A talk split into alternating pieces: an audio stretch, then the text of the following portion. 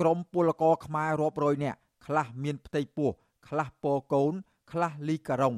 និងខ្លះទៀតយូអេវ៉ាន់សំពីងសំពងនាំគ្នាសម្រុកធ្វើដំណើរឆ្លងដែនចូលប្រទេសកម្ពុជាវិញ នៅព្រឹកថ្ងៃទី13ខែសីហាពួកគាត់ត្រូវដើរកាត់ព្រៃ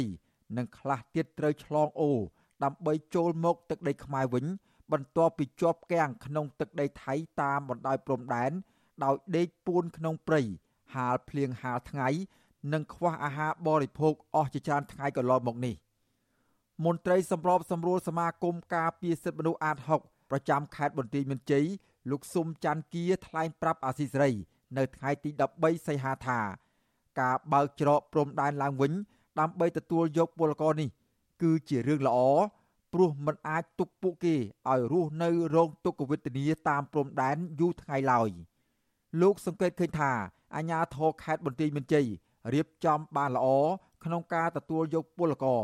ដោយធ្វើតេស្តរោគជំងឺ Covid-19 លើពលករទាំងនោះជាមុនតាមរយៈឧបករណ៍ធ្វើតេស្តរហ័ស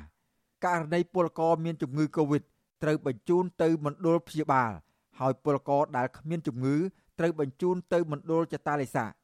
ទោះយ៉ាងណាលោកនៅតែជំរុញឲ្យអាជ្ញាធរចាត់វិធានការច្បាស់លាស់បន្ថែមទៀតដើម្បីឲ្យមានពលករចូលរួមសហការ ជៀសវាងការរត់គេចពីកន្លែងចតាឡេសាព្រោះពលករមួយចំនួនអាចផ្ទុកជំងឺ Covid-19 ជាពិសេសមេរោគប្រភេទបំលែងខ្លួនថ្មីឈ្មោះ Delta អាជ្ញាធរខេត្តបន្ទាយមានជ័យ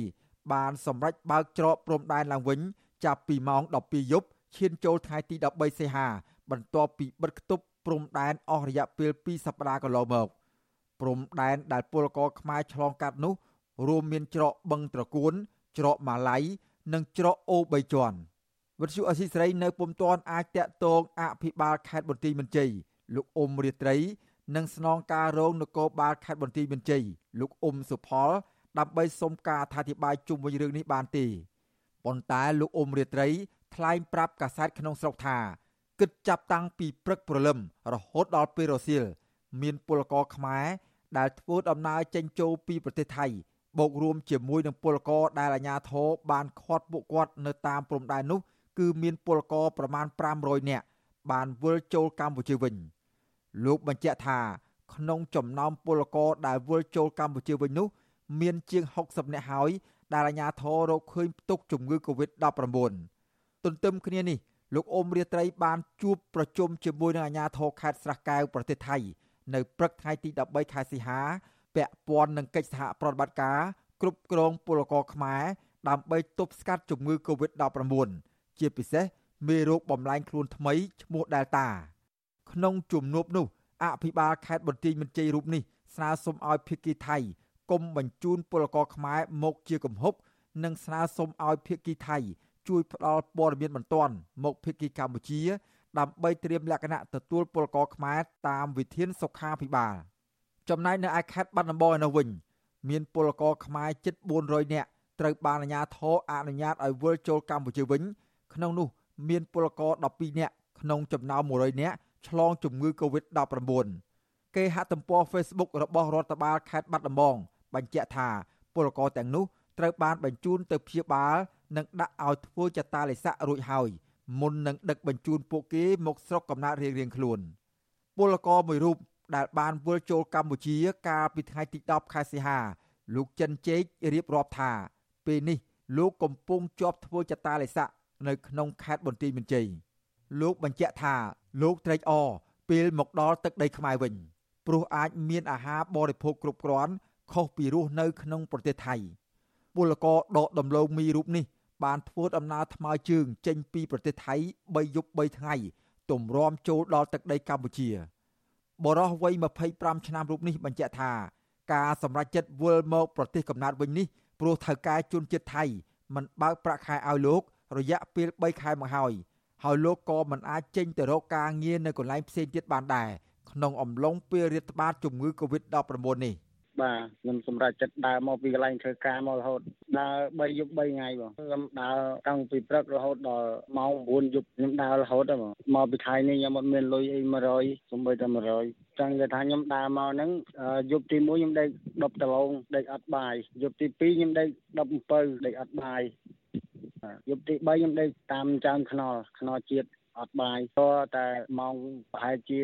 11បានខ្ញុំដើរមកជួបខ្មែរគ្នាឯងគាត់ធ្វើការដាក់ជីដលងគាត់ក៏ឲ្យបាយខ្ញុំមកប្រអប់ហូបតែប៉ុណ្ណឹងលោកចិនជេកបន្តថា នៅកន្លែងការងាររបស់លោក មានពលករខ្មែរ10នាក់ទៀតក៏ប្រឈមដាច់បាយនិងចង់វិលមកខ្មែរវិញដែរក៏ប៉ុន្តែពួកគេគ្មានលុយសម្រាប់ធ្វើដំណើរ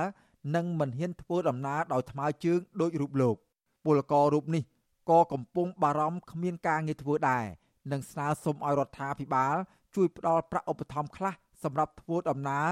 និងដោះស្រាយជីវភាពក្នុងគ្រាលំបាកនេះប្រធានសមាគមពង្រឹងសេដ្ឋកិច្ចក្រៅប្រព័ន្ធកម្ពុជាលោកដិនពុទ្ធី សង្កេតឃើញថាពលករខ្មែរដែលកំពុងវិលត្រឡប់មកកម្ពុជាវិញ បានកើនឡើងជាបន្តបន្ទាប់ដោយសារតែពួកគេ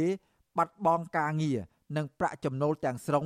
គ្មានអាហារបរិភោគ ព្រមទាំងបារម្ភរឿងមិនទទួលបានការព្យាបាលពេលមានជំងឺ Covid-19 ជាដើម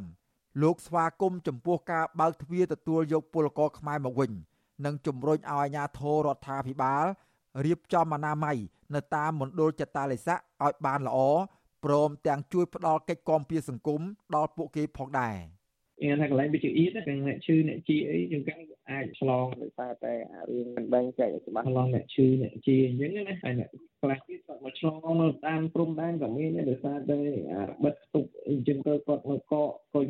នៅខែប្រទេសថៃហ្នឹងដេកហាទៀងហាខ្យល់ឬว่าពុកសពបែបយ៉ាងណាជាងកៅមកអត់មានជំងឺគាត់ដល់ពេលមកឆ្លងមកឆ្លងនៅកន្លែងព្រំដែនក៏មានបញ្ហាច្រើនណាព្រោះសម្រាប់ពលករហើយបងមកជាបទពិសោធន៍គឺនៅច្បោកច្បល់គ្នាការប្រើប្រាស់ទុកនេះនឹងវាមានការខ្វះខាតរបាយការណ៍របស់អាជ្ញាធរថៃបង្ហាញថាចាប់ពីចុងខែមីនា ដល់ថ្ងៃទី5ខែសីហា មានពលករខ្មែរជាង10000នាក់ហើយដែលឆ្លងជំងឺ Covid-19 ក្នុងនោះយ៉ាងហោចណាស់មានពលករខ្មែរចំនួន2នាក់បានស្លាប់កាលពីខែមេសា និងខែឧសភា ស្របពេលមានពលករខ្មែរឆ្លងជំងឺ Covid-19 ជាច្រើនទៀតកំពុងព្យាបាលនៅក្នុងការដ្ឋានសំណង់និងបន្ទប់ជួលតាមយថាកម្មរៀងៗខ្លួន ដោយសារតែបែបនេះហើយទើបពលករខ្មែរជាច្រើនអ្នកនាំគ្នាប្រថុយប្រឋាន ធ្វើដំណើរត្រឡប់មកកម្ពុជាវិញខ្ញុំបាទសេកបណ្ឌិត អាស៊ីសេរីពីរដ្ឋធានីវ៉ាស៊ីនតោន